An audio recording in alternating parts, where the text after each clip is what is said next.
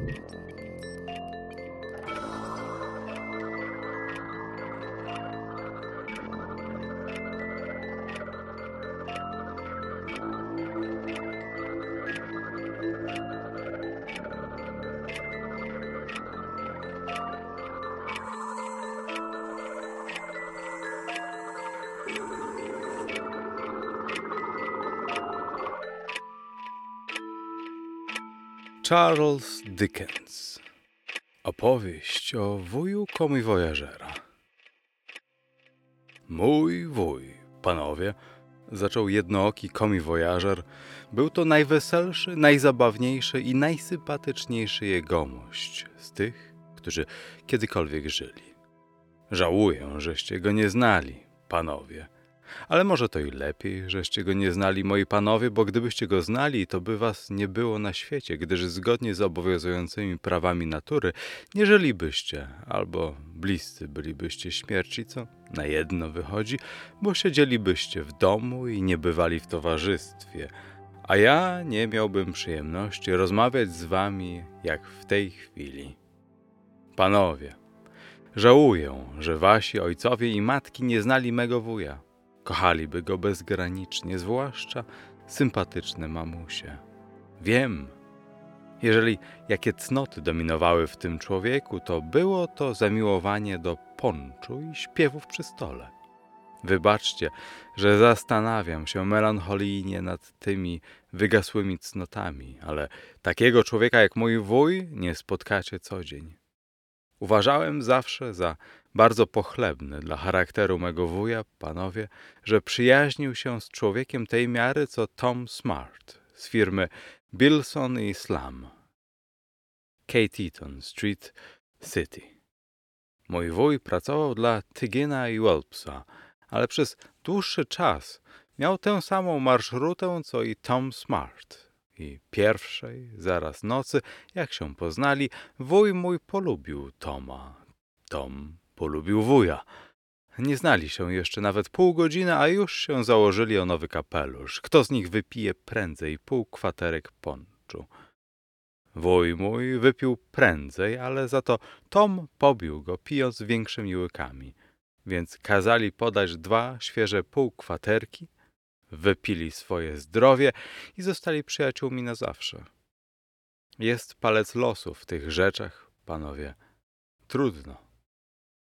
Co do osobistego wyglądu, wuj mój był trochę krótszy niż ludzie zwykłego wzrostu, ale był też nieco tęższy niż zwykle bywają ludzie i może twarz jego była trochę czerwieńsza niż inne. Miał najweselszą twarz, jaką kiedykolwiek widzieliście, panowie. Coś z pancza, ale nos i broda ładniejsze. Oczy błyszczały mu zawsze wesoło, a jego uśmiech. Nie, nie, nie było to jakieś bezmyślne skrzywienie warg, ale prawdziwy, nierobiony, szczery uśmiech nie schodził mu z ust. Kiedyś wyleciał z gigu i rymnął głową o kamień. Leżał więc z twarzą tak poharataną, że użyjmy jego własnego wyrażenia, gdyby go zobaczyła rodzona matka, z pewnością by go nie poznała. Rzeczywiście, panowie, kiedy pomyślą, jak wyglądał, Sądzę, że nie poznałaby go matka, bo umarła, kiedy wuj miał dwa lata i siedem miesięcy. Myślę więc, gdyby nawet nie poharatał sobie twarzy, matka zdziwiłaby się bardzo, zobaczywszy jego nożyska, nie mówiąc już o czerwonym obliczu. Tak czy inaczej, leży sobie wuj, a jak mi sam to nieraz opowiadał, człowiek, który go podniósł, Mówił, że wuj nie przestawał się uśmiechać. Kiedy zaś odzyskał przytomność, to przede wszystkim wybuchnął śmiechem. Potem objął młodą dziewczynę, która trzymała przed nim miednicę, a wreszcie zażądał baranich kotletów z piklami. Bardzo lubił marynowane orzechy, panowie. Mawiał, jedzone bez octu podnoszą smak piwa. Wielkie podróże mego wuja przypadły na czas opadania liści. Wtedy odbierał należności i przyjmował nowe zamówienia na północy. Jeździł z Londynu do Edynburga, z Edynburga do Glasgow, z Glasgow do Edynburga i z powrotem do Londynu. Chcę przez to powiedzieć, że do Edynburga wracał dla własnej przyjemności. Jeździł tam na tydzień, żeby odwiedzić starych przyjaciół. Jadł pierwsze śniadanie z jednym, lunch z drugim, obiad z trzecim, kolację z czwartym i tak mu schodził tydzień, jak z bicza trzasł. Nie wiem, panowie, czy braliście kiedy udział w prawdziwym, treściwym śniadaniu szkockim, by potem zajść na kilka tuzinów ostryk i kilka kufelków piwa z paroma kieliszkami wódki na deser. Jeżeli tak, to mi przyznacie, że trzeba nie lada głowy, by potem mieć jeszcze siły na obiad i kolację. Ale jak was kocham, wszystko to było niczym dla mojego wuja. Taki był zaprawiony, że dla niego była to zabawka dziecinna. Opowiadał mi sam, że mógł codziennie spotykać się ze Szkotami i o własnych siłach wracał do domu.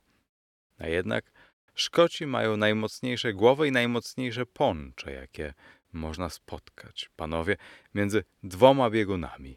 Słyszałem, że jeden drab z Glasgow pił z drabem z Dundee przez piętnaście godzin. Obaj upili się w tym samym momencie, co stwierdzono dokładnie, ale żaden z nich nie miał o to pretensji. Pewnego wieczora, coś na 24 godziny przed terminem odjazdu do Londynu, wuj odwiedził dom swego starego przyjaciela, wójta Mac. I jeszcze jakieś cztery sylaby, mieszkającego w Edynburgu. Oprócz wójta była jego żona i wójtowe trzy córki, i wójtowy dorosły syn, i trzech barczystych Szkotów, których wójt zaprosił na ucztę, by pomagali rozweselać mego wuja. Kolacja była wspaniała. Wędzony łosoś, fiński łupacz, głowa barania i haggis. Znana szkocka potrawa, panowie. Wuj mawiał o tej potrawie, że jest dla żołądka kupidyna i jeszcze wiele innych smacznych rzeczy. Zapomniałem nazw, ale wiem, że były smaczne. Panny były przyjemne i ładne. Gospodyni jedna z najmilszych istot na świecie. Wuj mój był w doskonałym humorze. Skutek był taki, że młode damy chichotały i piszczały po cichu. Stara dama śmiała się głośno, a gospodarz i goście rechotali przez cały czas, aż im oczy na wierzch wyłaziły. Nie pamiętam, ile kieliszków wychylił każdy po kolacji i wiem tylko tyle, że około pierwszej po północy syn gospodarza uparł się, aby przypomnieć sobie pierwszą strofkę piosenki Willy przyniósł butlę wody, a ponieważ wuj jeszcze przed pół godziną był zupełnie do rzeczy, postanowił, że czas do domu. Zwłaszcza, że pili od siódmej, więc obawiał się, by nie zasiedzieć się i wrócić o przyzwoitej porze. Ale przyszło mu na myśl, że nie wypada wyjść tak zaraz, więc obrał siebie prezesem zgromadzenia. Przygotował porządną szklankę, wstał, zaproponował, by obecni wypili jego zdrowie, zwrócił się do siebie samego z bardzo czułą przemową i z zapałem wychylił toast. Nikt nie drgnął, więc wuj nalał sobie jeszcze odrobinę, niech nie wietrzeje. Wpakował obydwiema rękami kapelusz na łeb i machnął się do domu. Noc była zimna i wieczna, kiedy wuj wyszedł z mieszkania wójta. Nasadziwszy mocno kapelusz, by mu nie spadł, wuj włożył ręce do kieszeni i spojrzawszy przed siebie, przyjrzał się uważnie pogodzie. Chmury płynęły na księżyc z niebywałą szybkością. To go zupełnie odsłaniały, tak że w całym majestacie oświecał przedmioty, to znów go przesłaniały, pogrążając wszystko w mroku. Nic z tego, mówi wuj do pogody tonem obrażonego. Taka pogoda wcale nie jest odpowiednia dla mojej podróży. Nie ujdzie, dodał z naciskiem. Powtórzywszy to kilka razy, kiwnął się i z trudem utrzymał równowagę. Trochę mu się kręciło w głowie od patrzenia na księżyc, ale poszedł wesoło dalej. Dom wójta stał na Canongate, a mój wuj szedł na drugi koniec, Leaf Walk. To znaczy przeszło milę drogi. Po obu stronach strzelały ku niebu dwa rzędy wysokich domów o gładkich, zimnych ścianach i oknach, które wyglądały jak zagasłe oczy. Sześć, siedem, osiem pięter miały domy. Piętro wznosiło się nad piętrem, na podobieństwo domków z kart, jakie budują dzieci. Cień od nich padał na drogę, czyniąc ciemność jeszcze ciemniejszą. Gdzieś w oddali migało kilka latarni oliwnych, ale wskazywały one tylko wejście do wąskich zaułków albo miejsce, gdzie zaczynały się schody prowadzące na wyższe piętro. Patrząc na to wszystko z miną człowieka, który zna to zbyt dawno, by uważać za godne uwagi, wuj mój szedł środkiem ulicy, włożywszy palce w dziurki od kamizelki, a gdy czasem ogarniała go chęć śpiewania, na ten czas czynił to tak głośno, że uczciwi mieszkańcy spokojnych domów budzili się przerażeni i leżeli drżąc na swoich posłaniach, aż dźwięki umilkły w oddali. Uspokoiwszy się, że to tylko zwykły pijak z gatunku tych, co to nigdy do domu, otulali się w kołdry i zasypiali. Opisuję szczegółowo, jak to wuj szedł środkiem ulicy z palcami w dziurkach od kamizelki, albowiem panowie, jak nieraz mi to powtarzał, a miał zupełną rację, nie byłoby nic zajmującego w historii, gdyby nie to, że się zaczęła tak zupełnie jakby nigdy nic.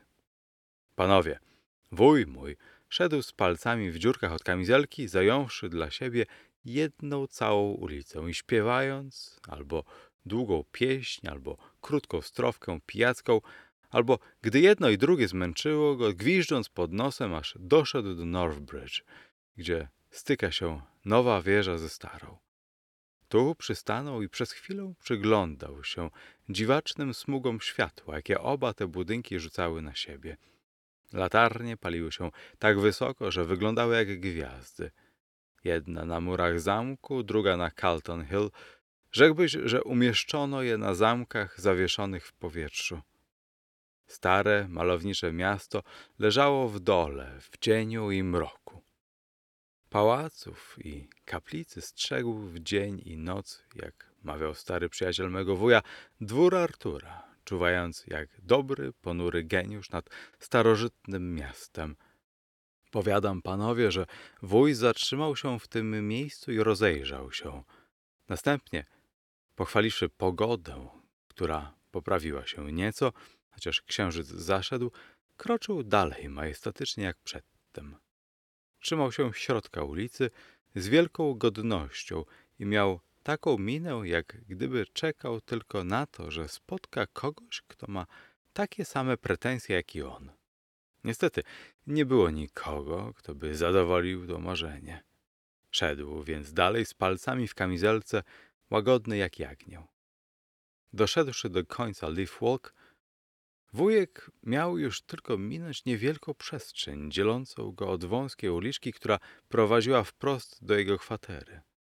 Otóż na tej przestrzeni znajdowała się w owych czasach zagroda należąca do pewnego kołodzieja, który miał kontrakt z urzędem pocztowym na skupywanie starych, zużytych dyliżansów.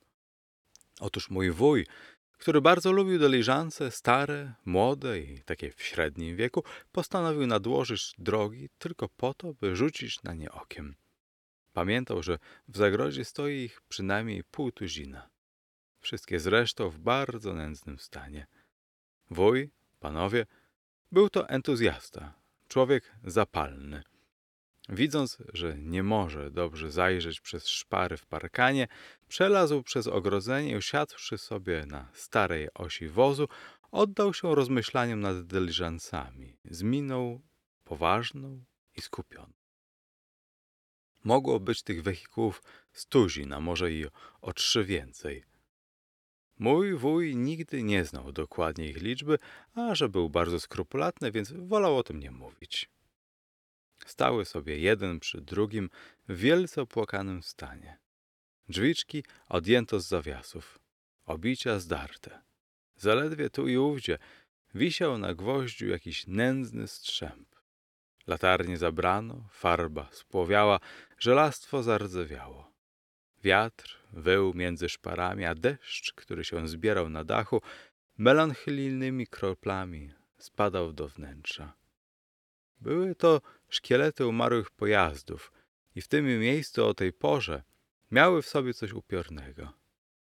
Wuj oparł głowę na rękach i zaczął myśleć o tych rozmaitych ludziskach, którzy jechali ongi przed wielu laty tymi starymi pojazdami, stojącymi teraz milcząco i cicho.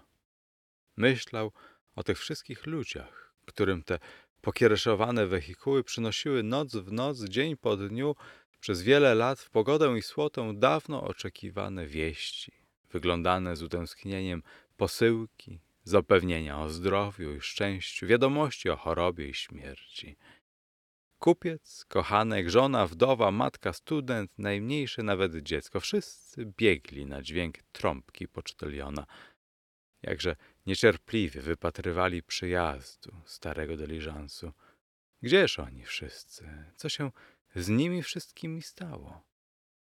Panowie, wuj zapewnia, że wszystko to myślał w owej chwili, ale coś mi się wydaje, że musiał to gdzieś później wyczytać, bo opowiadał wyraźnie, że zapadł jakby w sen, siedząc na owej starej osi zepsutego wozu pocztowego, gdy nagle zbudził go zegar kościelny, który wydzwonił drugą. Otóż myślenie nigdy nie było specjalnością mego wuja i gdyby myślał o tym wszystkim, co potem opowiadał, to zajęłoby mu to o wiele więcej czasu niż do godziny drugiej. Jestem więc zdania, panowie, że wuj wpadł w rodzaj odrętwienia i że w ogóle o niczym nie myślał. Niech zresztą będzie jak chce, ale zegar wydzwonił drugą. Wuj przebudził się, przetarł oczy i zerwał się przerażony. Gdy tylko zegar wybił drugą, cały ów spokojny, milczący dziedziniec stał się nagle bardzo ożywiony. Drzwiczki znalazły się na zawiasach, obicia na swoim miejscu, żelazne części błyszczały jak nowe. Farba odświeżona, latarnie naprawione na każdym siedzeniu poduszki i oparcia, pocztylioni kładli paczki do pudeł, posługacze leli wodę na nowe koła. Uwijało się tu mnóstwo ludzi, przymocowując dyszle do każdego wozu. Pasażerowie nadchodzili, oddawali swoje walizki, przyprowadzono konie. Słowem, Jasne było, że lada chwila wozy ruszą w drogę. Panowie! Wuj otwierał na ten widok oczy tak szeroko, że do końca życia nie mógł się dość nadziwić, iż udało mu się je później zamknąć. No, odezwał się jakiś głos i ktoś dotknął ramienia wuja. Kupił pan bilet, radzę zająć miejsce. Ja? Kupiłem? Mówi wuj i ogląda się zdumiony. Naturalnie. Wuj, panowie, nie mógł wymówić słowa. Taki był tym zdziwiony. Najśmieszniejsze ze wszystkiego było to, że chociaż zebrało się tyle ludzi i chociaż co chwila pokazywali się inni, nie mówili skąd się wzięli. Zdawało się, że w jakiś niewytłumaczony sposób zjawiają się z powietrza czy z ziemi i znikają tak samo tajemniczo. Kiedy portier włożył do karety bagaż i otrzymał zapłatę, odchodził. Ale zanim wujek obejrzał się, już skądś zjawiało się całe mnóstwo innych, niosących tak ciężkie tłumoki, że się pod nimi oginali. Strój pasażerów był jakiś dziwaczny. Szerokie, wielkie płaszcze z bufiastymi rękawami bez kołnierzy. I peruki, panowie, peruki z warkoczami. Wuj mój nie mógł nic z tego zrozumieć. Wsiada pan, czy pan nie wsiada? spytała osobistość, która przedtem odezwała się do mego wuja. Ubrana była jak pocztylion w olbrzymiej peruce. W płaszczu z bufiastymi rękawami, w jednej ręce trzymała latarkę, w drugiej pistolet, który przytykała do piersi. Wsiadasz czy nie wsiadasz, Jack Martin? Dodała, świecąc memu wujkowi w twarz. Halo, zawołał wujek, cofając się. To trochę zbyt bezceremonialnie. Tak jest w spisie pasażerów, zimno odpowiedział pocztylion. Ha, czy nie ma tam jednego małego pan? Mówił wuj, bo czuł, panowie, że gdyby pocztylion wiedział, z kim ma do czynienia, to nie opuściłby pan. Nie, nie ma żadnego pan. Przejazd opłacony? Pyta wuj. Naturalnie, mówi tamten. Opłacony, opłacony? powtarza wuj. No to nie ma rady. Y, Który dyliżans? Ten, powiada pocztylion i pokazuje stary dyliżans Londyn-Edynburg, w którym już spuszczono stopnie i otworzono drzwiczki. Czekaj pan, są jeszcze inni pasażerowie. Nie pchaj się pan pierwszy. Ledwie to powiedział, oczom mego wuja ukazał się młody człowiek w pudrowanej peruce i błękitnej kurtce, szamerowanej srebrem, z szerokimi połami. Wujek, panowie, znał się na materiałach, ponieważ Tygen i Welps pracowali przy drukowanych perkalikach. Człowiek ten miał krótkie pantalony i rodzaj sztylpów na jedwabnych pończochach i nosił buty ze sprzączkami. Mankiety miał wykończone kryzą, na głowie trójgraniasty kapelusz, a przy boku szpadę. Poły ubrania wisiały mu do kolan, a końce krawata opadały mu do pasa. Podszedł poważnie do drzwiczek dyliżansu, zdjął kapelusz i trzymał go jakiś czas nad głową. Wysunął przy tym mały palec prawej ręki, jak to czasami czynią wytwornisie pewnego gatunku, trzymając filiżankę herbaty. Potem zsunął obie nogi, ukłonił się bardzo nisko i dopiero wtedy nałożył kapelusz. Wuj miał właśnie zamiar wystąpić naprzód, lecz bardzo był poruszony. Gdy zauważył, że te atencje skierowane są nie do niego, ale do młodej damy, która w tej chwili właśnie pokazała się na stopniu, ubrana była w niemodną, uszytą z zielonego aksamitu suknią z długim gorsecikiem. Nie miała na głowie kapelusza, panowie, tylko czarny, jedwabny kapturek. Ale nim wsiadła do dyliżansu, obejrzała się dookoła, pokazawszy przy tym piękną twarz, jakiej mój wuj nigdy przedtem nie widział, nawet na obrazkach. Weszła do dyliżansu, jedną ręką podtrzymując suknię. Jak opowiadał zawsze mój wujek, przy czym nie omieszkał nigdy zaklinać się, że mówi prawdę, nie uwierzyłby nigdy, że mogą istnieć równej piękności nogi i ręce, gdyby nie patrzał na nie własnymi oczyma. Ale spojrzawszy na młodą damę, wuj zauważył, że patrzy na niego błagalnie i że wydaje się zastraszona i przerażona.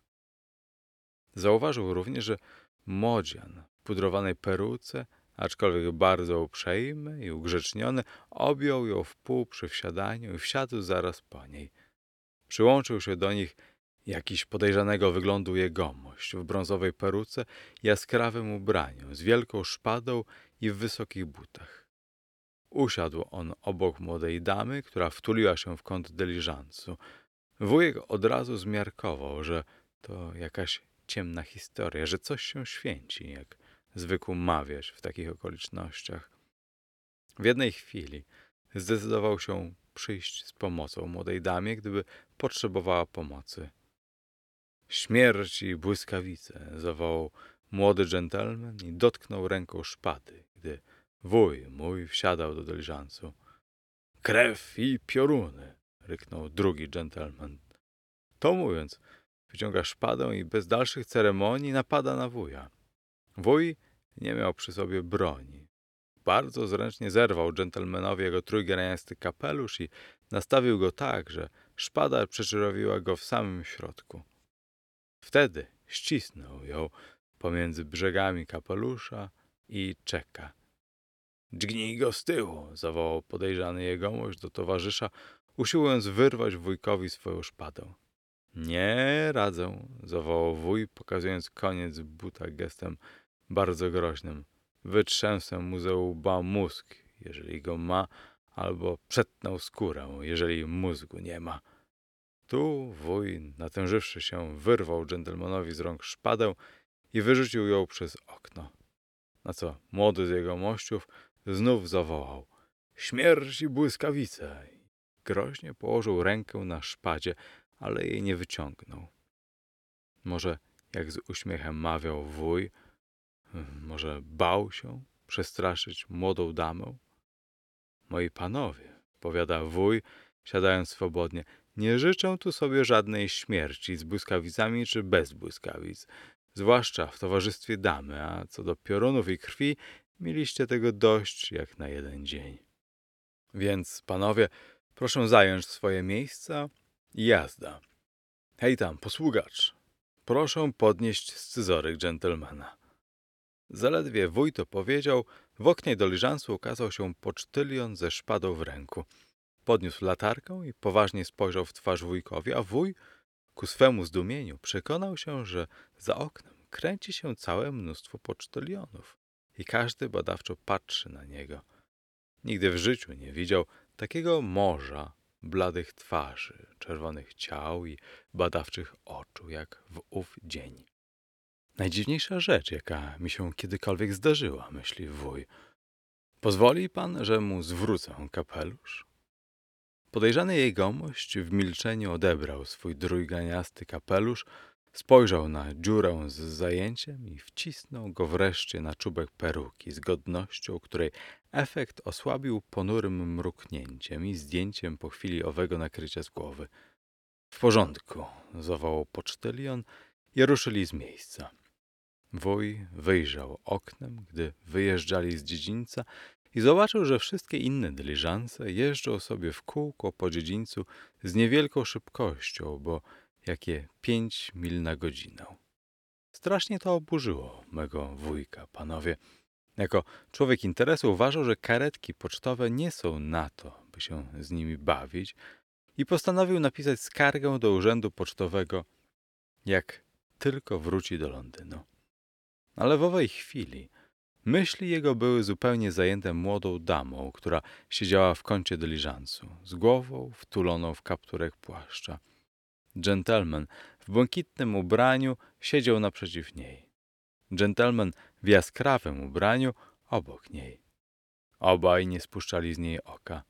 Jeżeli odważyła się choćby poruszyć, fałdy kapturka, podejrzany jegomość natychmiast uderzał się po rękojeści szpady. A wujek odgadywał z jego gniewnego mruczenia.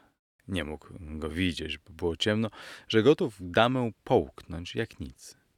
To coraz więcej gniewało mego wujka, więc postanowił, żeby tam nie wiedzieć co. Położyć temu kres. Wuj uwielbiał bowiem piękne oczy, ładne twarzyczki, zgrabne nóżki i małe stopy. Słowem, kochał tę płeć. To już rodzinne panie. Ja również. Liczne były sposoby, którymi wujek starał się zwrócić uwagę damy albo wciągnąć tajemniczych jegomościów w rozmowę. Wszystko na próżno. Dżentelmeni nie chcieli mówić, dama nie śmiała. Co pewien czas wujek wychylał się oknem, by zobaczyć, dlaczego tak wolno jadą. Wołał, aż ochrypł w końcu. Nikt mu nie odpowiadał, więc oparł się o poręcz i myślał o cudnej twarzy i drobnych stopach. To właśnie było najlepsze. Czas biegł niepostrzeżenie i wuj nie głowił się już, dokąd jedzie i w jaki sposób dostał się w podobną sytuację. Nie dlatego, żeby go to martwiło. Nie. Wuj był na wszystko gotowy.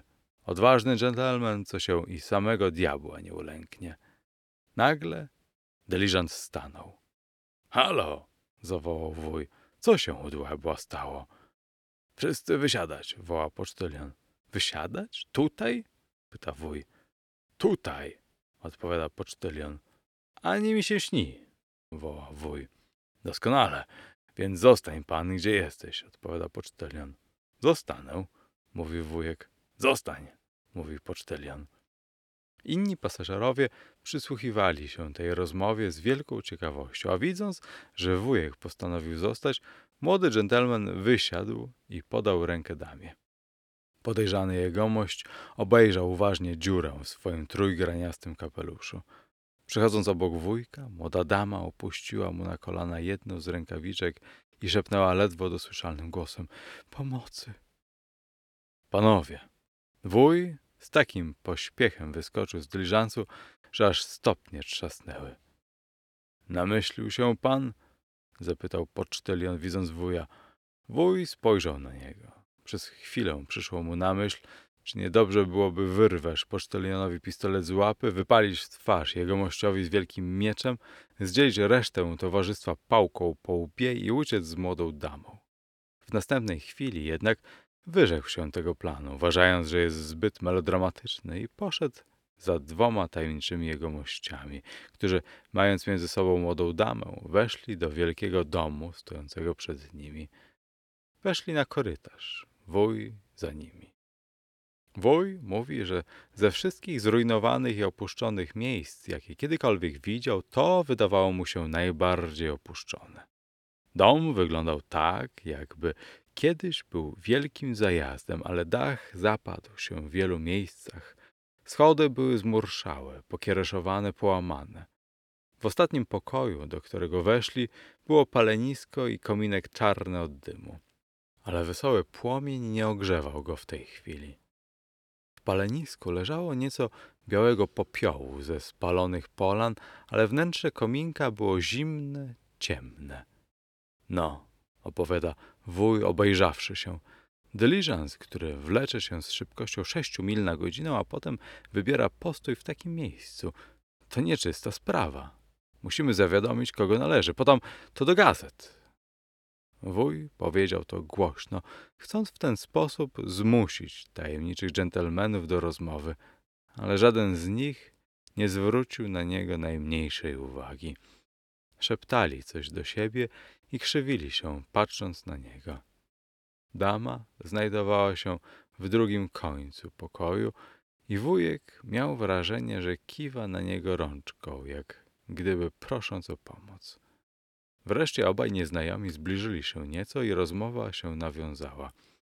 Nie wiesz, zdaje się mój poczciwcze, że to prywatny pokój? Powiada jegomość w błękitnym ubraniu. Nie, nie wiedziałem, mój poczciwcze, mówi wuj.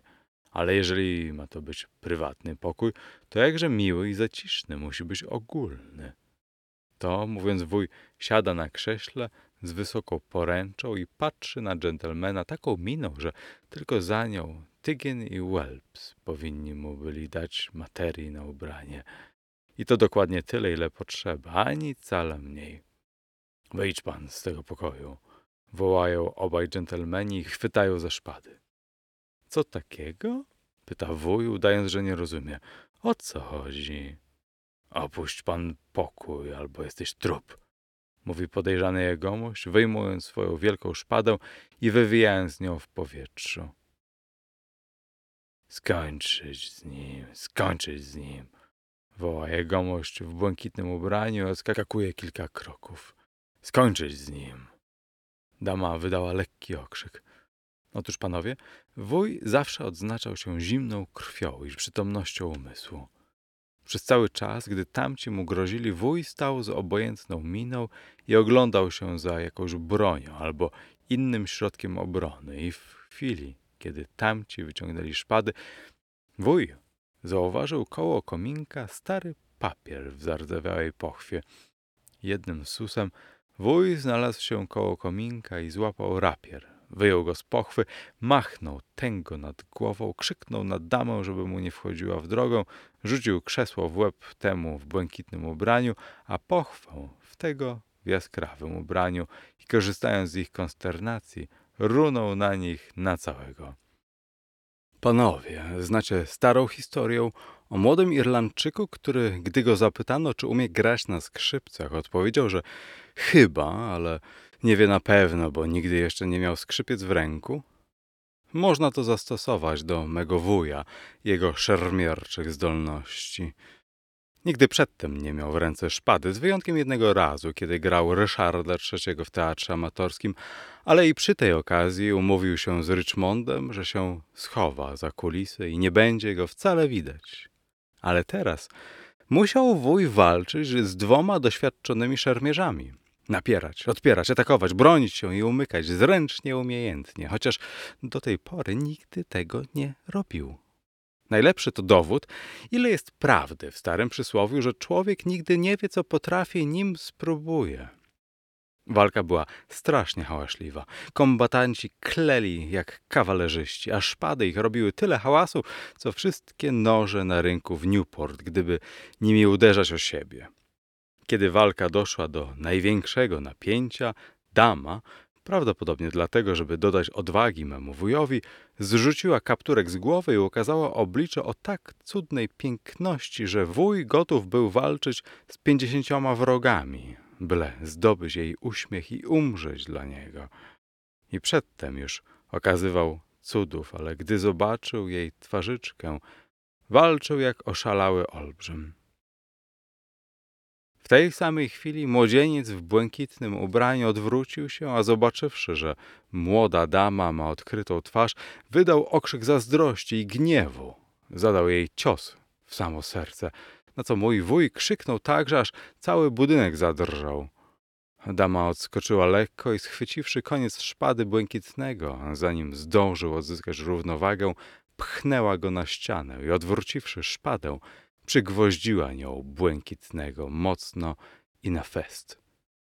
Był to wspaniały przykład dla wuja. Wuj krzyknął z triumfem, zmusił swego przeciwnika, by skoczył w tym samym kierunku i wpakowawszy stary rapier w sam środek wielkiej róży na kamizelce dżentelmena, przygwoździł go obok jego towarzysza.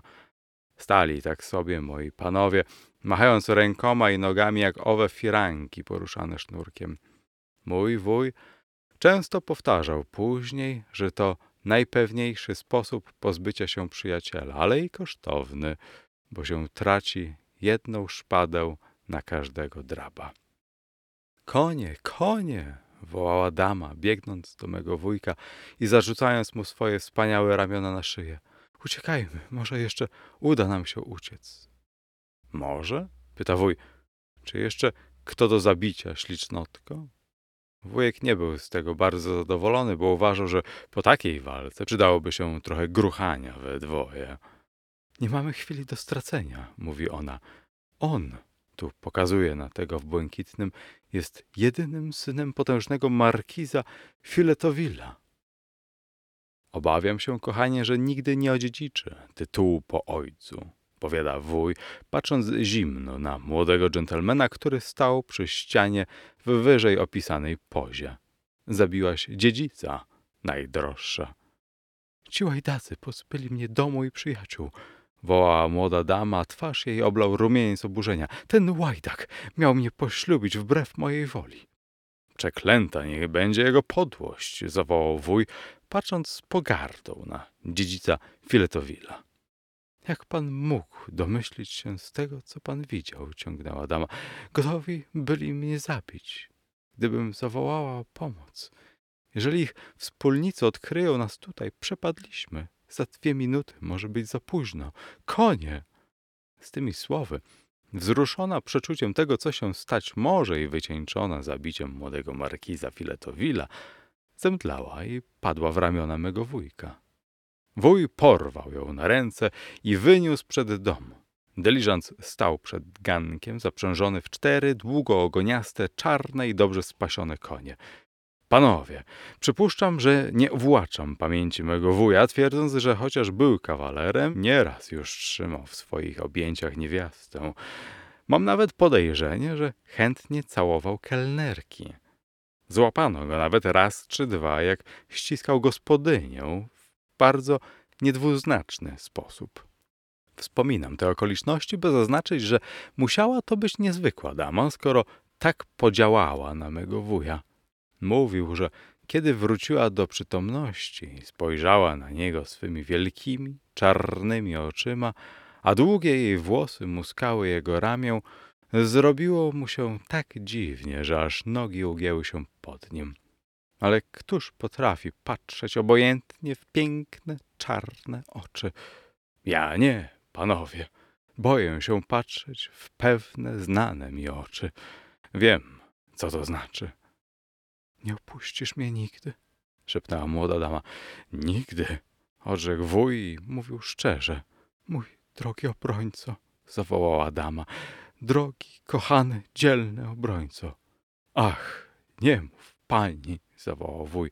Dlaczego? pyta ona. Bo usta twoje są tak piękne, gdy mówisz, że obawiam się, iż będę brutalny i pocałuję cię. Młoda dama podniosła rękę, jak gdyby chciała zagrozić wujkowi, by tego nie robił, i powiedziała: Nie, nic nie powiedziała, tylko się uśmiechnęła. A kiedy patrzysz na najcudniejsze wargi na świecie i widzisz, jak się uśmiechają, jeżeli jesteś pochylony tuż nad nimi, nikt nie patrzy, nie możesz wyrazić swego zachwytu nad ich barwą i kształtem, nie pocałowawszy choćby jeden raz. Wujek mój uczynił to i szanuję go za to. Co? zawołała młoda dama przerażona. Turkot kół i rżenie koni? Tak, powiada wuj. Dobre miał ucho na turkot kół i stuk kopyt końskich, ale miał wrażenie, że tyle koni i kół zbliża się z daleka, iż niepodobna było określić ich ilości. Gonią nas, zawołała młoda dama, składając ręce. Gonią nas, cała moja nadzieja w Panu. Tyle było strachu w tej cudnej twarzy, że mój wuj zdecydował się w jednej chwili. Wsadził damę do karety, prosił, by się nie bała, raz jeszcze przycisnął usta do jej warki, poradziwszy, by zamknęła okna, bo zimno, wskoczył na kozioł. Czekaj, kochany, zawołała młoda dama. Co się stało? pyta wuj już z kozła. Chciałam z tobą pomówić, tylko jedno słowo, jedno słowo najroższe. Mam zejść? pyta wuj. Dama nie odpowiada, tylko się uśmiecha. Wuj w jednej chwili był już przy niej. Co się stało, kochanie? pyta wuj, zaglądając przez okno karety. Dama pochyliła się w tej samej chwili i wujek stwierdził, że jest jeszcze piękniejsza. Stał przy niej bliziutko, panowie, więc musiał dokładnie widzieć. Co się stało, kochana? pyta wujek. Nie będziesz nikogo kochał poza mną?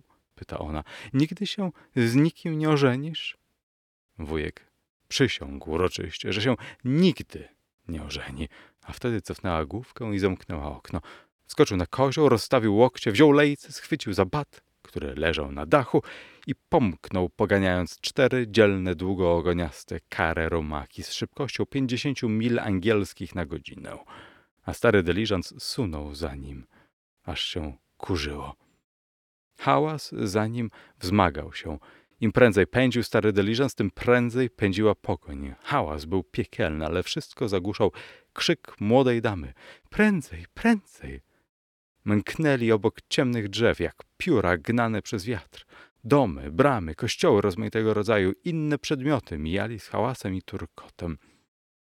Ale pogoń zbliżała się coraz bardziej, a młoda dama coraz głośniej krzyczała prędzej, prędzej! Tu mój wuj uderzył mocno butem i przekonał się, że jest już świt, a on siedzi na starym kole edynburskiego mokry i zziębnięty i uderza nogami, żeby się rozgrzać. Zsiada i ogląda się za piękną damą. Niestety, dyliżans nie miał ani drzwi, ani siedzenia. Stare pudło i tyle.